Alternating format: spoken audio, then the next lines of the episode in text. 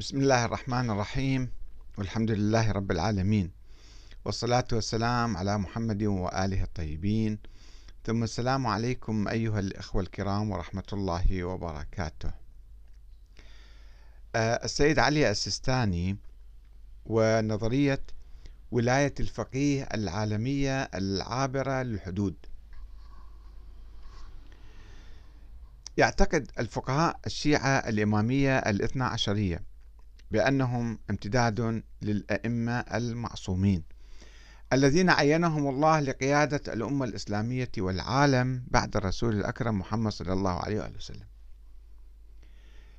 وبالرغم من أن الفقهاء الشيعة كانوا خلال ألف عام يحرمون إقامة الدولة أو القيام بأي نشاط سياسي فيما يسمونه بعصر الغيبة الكبرى التي اختفى فيها الإمام الثاني عشر محمد بن الحسن العسكري منذ ولادته ووفاة أبيه عام 260 للهجرة. ولكنهم منذ حوالي قرنين بدأوا تدريجيا بالحلول محل الإمام المعصوم الغائب وذلك بتطوير نظرية أو فرضية اسمها النيابة العامة للفقهاء عن الإمام المهدي. تطوير هذه النظرية إلى درجة ولاية الفقيه أو الحسبة أقل من ولاية الفقيه نظرية الحسبة أي القيام بمسؤولية رعاية الأمور الاجتماعية العامة الضرورية. وكل واحد طبعا يعني يجتهد كل فقيه له اجتهاد خاص في حدود هذه الحسبة. بالنسبة لولاية الفقيه أيضا البعض يوسع دائرة الولاية. إلى العامة ثم إلى المطلقة وبعضهم يضيقها إلى ما هو أدنى من الحكم والرئاسة يسميها الحسبة. وقد أصبح معروفا تبني الإمام الخميني لنظرية ولاية الفقيه العامة والمطلقة التي أقام على ضوئها الجمهورية الإسلامية في إيران. في الوقت الذي كان المرجع المعاصر له السيد أبو القاسم الخوئي يرفض ولاية الفقيه مطلقا حتى في القضاء. فقط تقول في الإفتاء يحق له أن يفتي ويحق له أن يقضي ولكنه لا يستطيع أن ينفذ القضاء. ما عنده ولاية في القضاء. ولكن تلميذ السيد الخوئي اللي هو السيد علي السيستاني الذي خلف أستاذه في المرجعية تبنى رأيا وسطا هو الحسبة. أي الولاية المحدودة. ولكن القابلة للتمدد إلى حدود أقرب للولاية العامة. ولكن ما يميز نظرية السيد علي السيستاني طبعا حتى الآخرون حتى الآخرين يقولون بذلك يقول وليس في بلد معين وإنما في جميع أنحاء العالم هو عنده ولاية الفقيه. وقد بحث السيد السيستاني موضوع ولاية الفقيه في عدد من كتبه. أو دروسه التي سجلها تلامذته كالسيد محمد علي الرباني في كتاب الاجتهاد والتقليد والاحتياط والشيخ محمد كاظم الجشي في كتاب الفوائد الفقهية. إضافة إلى الاستفتاءات اليومية المستمرة المنشورة في موقعه الرسمي. وكما يقول الرباني في مقدمة كتاب الاجتهاد والتقليد فإن السيستاني ناقش في النجف في العام 1407 يعني 1986 في أيام الحرب وأيام الدو يعني حياة الإمام الخميني أيضا. ناقش السيد السيستاني أدلة القائلين بنظرية ولاية الفقيه كالإمام الخميني الذي كان يحكم الجمهورية الإسلامية في ذلك الحين والتي يبنونها القائلين بالنظرية يبنونها على بعض الأدلة الروائية والعقلية. أدلة روائية ضعيفة طبعا هم يقولون كمقبولة عمر بن حنظلة مو صحيحة. ومعتبرة أبي خديجة أيضا أو مشهورة بعض بعضهم يسميها مشهورة أبي خديجة. وروايات مثل وأما الحوادث الواقعة أو العلماء ورثة الأنبياء أو أمناء الرسل أو مجاري الأمور بيد العلماء هذه كلها حديث عامة جدا يعني ما تعطي العلماء أو كل عالم عالم تعطيه ولاية على الأمة. فأجى ناقشها وردها وقام بتضعيفها. السيد السيستاني قال هذه يعني مو أدلة معتبرة لا سندا ولا دلالة. ورفض أيضا السيد السيستاني آراء الشيخ محمد حسن النجفي في جواهر الكلام والشيخ النراقي في عوائد الأيام ذولا من علماء القرن التاسع عشر. وغيرهم بشأن ثبوت الزعامة العامة للفقيه وشمول صلاحياته على الحكم قال مو معقولة هذا مو صحيح. رفض هاي النظرية. وناقش السيستاني رأي الإمام الخميني في كتاب البيع المكاسب بشأن حجية الدليل العقلي. أنه بالعقل نحن نقول آه، بولاية الفقيه الذي يقول بضرورة استمرار تطبيق أحكام الإسلام التي تتعلق بالنظام العام ولا يمكن تعطيلها كالحدود والتعزيرات والأموال العامة والدفاع وغيرها وهي بحاجة إلى سلطة تقوم بتنفيذها. الإمام الخميني استند على هذا الدليل العقلي أنه لازم نسوي سلطة ومن يجي يحكم ما في أحسن من الفقهاء هكذا قال الإمام الخميني طيب مو هذا أيضا هو هذا السؤال يجي على نظرية الإمامة ونظرية الغيبة. هل, هل الإمام يجب أن يكون معصوما؟ وليش غاب إذا الله معينه؟ إذا الله معينة فقط لقيادة الأمة الإسلامية فإذا كيف ممكن يعطل الدولة الإسلامية والنظام العام؟ فيعني هذا السؤال اللي طرحه الإمام الخميني ينسف نظرية الإمامة أساسا وشروطها التعجيزية. المهم السيد السيستاني يناقش هذا الرأي يقول هذا أيضا مو دليل واستعاض عن هذا الدليل عن ولاية الحكم بخيار توسيع دائرة ولاية الحسبة. الحسبة نوسعها؟ لتكون بديلا يستوعب جميع الشؤون العامة التي لا يجوز تركها وهو النظام العام. بالتالي وصلنا نفس النقطة آه، يعني نفس موضوع ولاية الفقيه. ولكن مو بصريح العبارة هنا. ما هي نظرية السيد السيستاني نظرية الحسبة؟ خلينا نقرأ بعض الفتاوى مالته حتى نستشف رأيه في الموضوع. ذهب السيد السيستاني في كتاب التقليد والاجتهاد والاحتياط والفوائد الفقهية وأجوبة الاستفتاءات إلى ثبوت الولاية للفقيه في ثلاثة مجالات. هي الفتوى والقضاء والحسبة. ما ما قال ولاية الفقيه قال الحسبة. بصيغتها الواسعة اللي تقريبا تصل نفس المعنى. وقال مثلا الولاية فيما يعبر عنها في كلمات الفقهاء رضي الله عنهم بالأمور الحسبية تثبت لكل فقيه جامع لشروط التقليد. وأما الولاية فيما هو أوسع منها من الأمور العامة التي يتوقف عليها نظام المجتمع الإسلامي.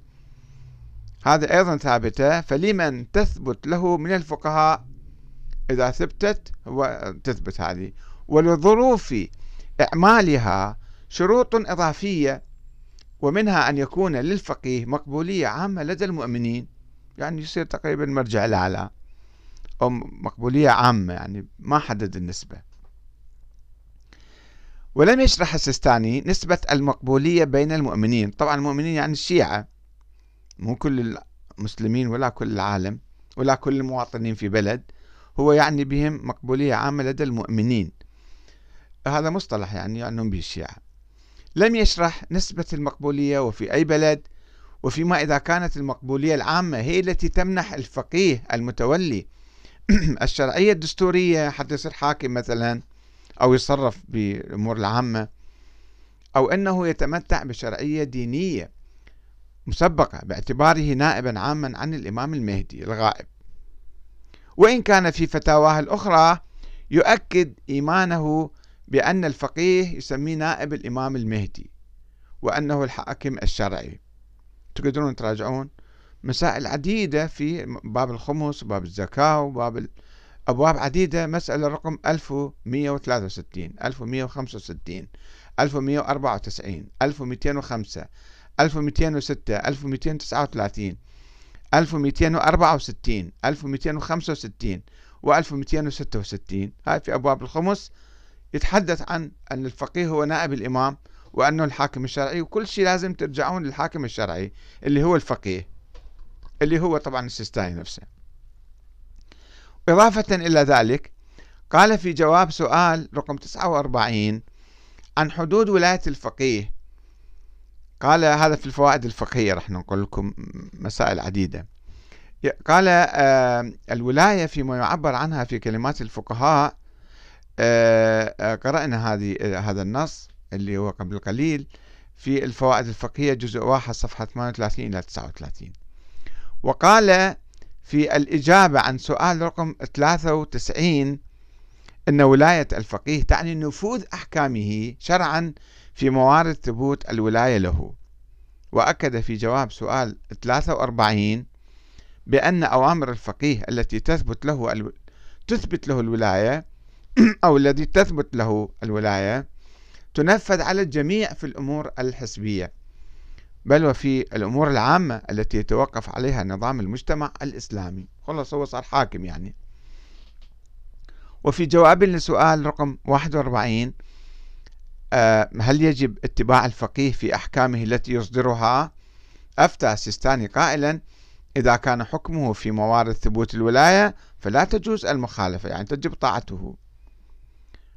وباعتبار الفقيه الشيعي يقوم مقام الإمام المعصوم المعين من قبل الله بالنيابة العامة المفترضة طبعا.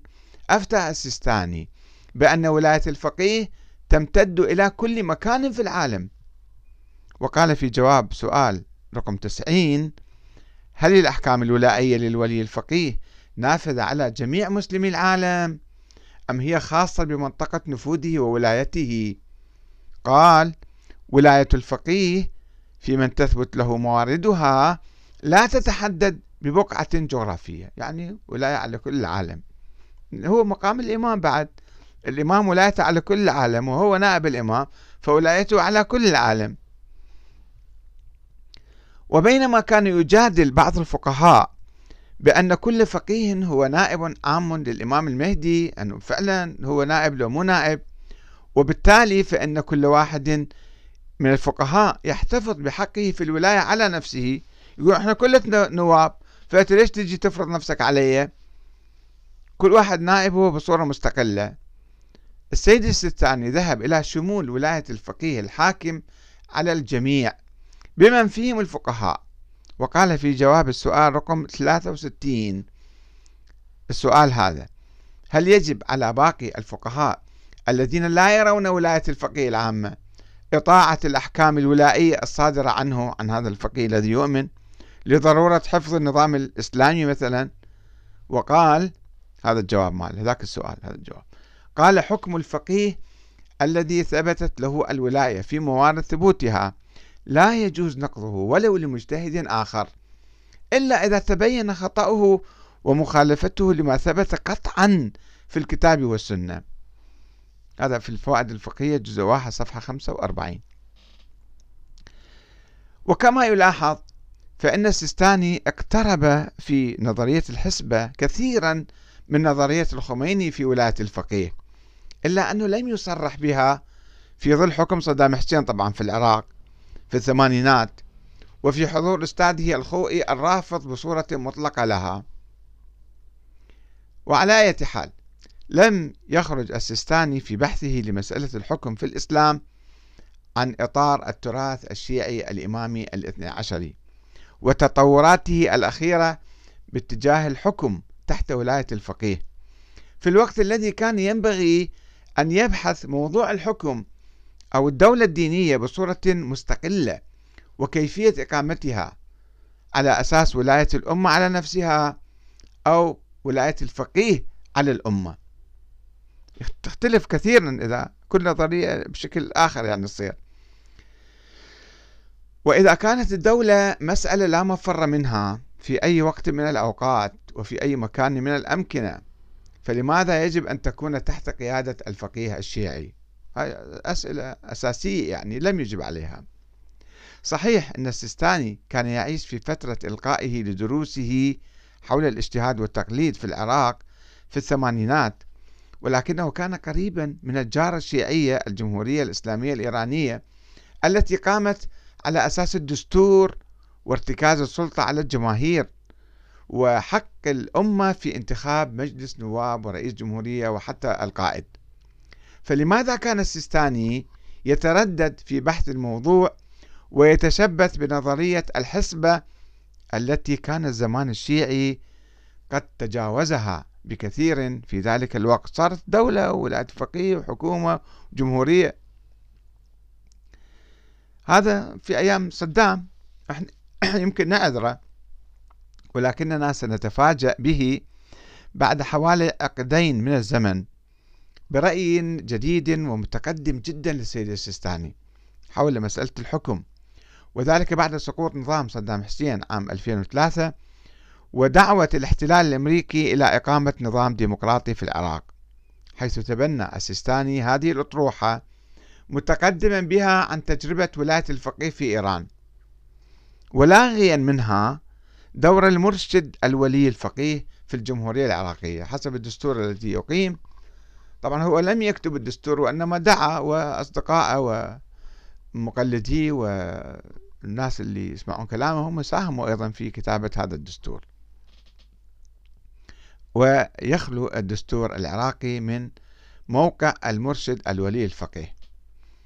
وبالرغم من هذا التقدم الواقعي والعملي باتجاه النظام المدني الديمقراطي الذي رعاه السيد السيستاني وتأييده بالرغم من تأييده للاستفتاء على الدستور العراقي عام 2005 وإشرافه على القائمة الشيعية في الانتخابات إلا أنه السيد السيستاني لم يبين بوضوح موقفه الأخير من نظرية ولاية الفقيه أو الحسبة الواسعة التي كان يقول بها سابقا. هل تخلى عنها تماما لصالح النظام الديمقراطي؟ أم لا يزال يؤمن بها ويعتبر نفسه نائبا عاما عن الإمام المهدي وحاكما شرعيا على العالم؟ إن الإجابة عن هذا السؤال مهمة جدا. لتعزيز النظام الديمقراطي في العراق وفي كل مكان والفصل بينه وبين المرجعية الدينية ودورها السياسي في العراق والعالم الشيعي. ونسأل الله أن يمد في عمره, عمره حتى يوضح لنا ويبين لنا ويجيبنا عن هذه الأسئلة ولكن هو معتزل حاليا. وإذا لم تتح الفرصة للسيد السيستاني الإجابة على هذا السؤال فإن المواطنين العراقيين الشيعة وغيرهم الذين انخرطوا في العملية السياسية ينتظرون الإجابة عليها من أي مرجع شيعي قادم أو معاصر من أجل تحديد موقفهم من المرجعية والنظام الديمقراطي. الآن العراقيون والشيعة خصوصا مذبذبين يعني بالحقيقة بين الذوبان في النظام الديمقراطي والانخراط به تماما والإيمان به تماما وبين آه، التمسك بالمرجعية وشرعيتها وأحكام الدينية ومثلا فتاواها اللي تتدخل بالسياسة. وإن كان وإن كان الجواب في الحقيقة لا يعتمد على رأي السيستاني أو غيره من الفقهاء بقدر ما يعتمد على رأي الناس في النظام الديمقراطي وإيمانهم به وأيضا رأيهم بالمرجعية الدينية التي تدعي الولاية على الناس ولا تقدم أي أدلة شرعية إسلامية عليها سوى فرضية النيابة العامة للفقهاء عن الإمام الثاني عشر الغائب محمد بن الحسن العسكري. هاي فرضية هو أساسا الإمام مو معلوم مولود لو مو مولود ما في أدلة على ولادته ولا على غيبته ولا على طول عمره ولا على إعطائه النيابة العامة للفقهاء. فهي فرضيات في فرضيات فما نحتاج إحنا بالحقيقة نسأل المراجع أو نسأل السيستاني ما هو رأيك بالنظام الديمقراطي. النظام الديمقراطي نظام عقلي. الشعب كله صوت عليه وآمن به ويجب أن نعزز هذا النظام ونرشده ونطوره. والمرجعية كانت مرحلة في التاريخ الشيعي وانتهت. عندنا مشكلة أخرى بعد مو بس هذه. التداخل بين الديني والمدني. وفي الوقت الذي لا يزال التداخل بين الديني والمدني يعني بين المرجعية وبين الديمقراطية. لا يزال هذا التداخل قويا في الثقافة الشعبية الشيعية فيما يخص النظام السياسي. فإنه يوجد تداخل آخر أخطر بالحقيقة آه، في تلك الثقافة بين القطري والعالمي. أنه إحنا عراقيين فقط لو إحنا أمة إسلامية. وهو ناتج عن الرؤية الدينية العالمية لدور الفقيه الشيعي نائب الإمام المهدي. السيستاني كان يعتقد أنه هو يعني حاكم شرعي في كل العالم وبالتالي هذا بإيران أيضا هناك مراجع يعتقدون ذلك فراح يحصل تصادم وتضارب ويتجلى هذا التداخل بقوة في العلاقة بين العراق وإيران. حيث يرتبط بعض العراقيين الشيعة بالولي الفقيه الإيراني. يقول إحنا نقلد خامنئي نقلد الخميني تابعين لذاك ما خصنا بالسيستاني ولا خصنا بالنظام العراقي. كما يرتبط بعض الشيعة الإيرانيين بإيران موجودين بالفقيه العراقي اللي قاعد بالعراق نقصد يعني السيد السيستاني ولا هو يحمل جنسية إيرانية مو مشكلة. فإذا هو إذا يريد ينفذ ولايته كيف راح يصير راح يصير تداخل وهذه مشكلة لم يحلها الفقهاء الإيرانيون ولا العراقيون. وقد رأينا السيستاني يفتي في المسألة رقم 90 بأن ولاية الفقيه نافذة على جميع مسلمي العالم ولا تختص بمنطقة نفوذه وولايته وأنها لا تتحدد ببقعة جغرافية. ولكنه لم يلتزم بهذه الفتوى السيستاني ولم يتبع الولي الفقيه الحاكم في إيران.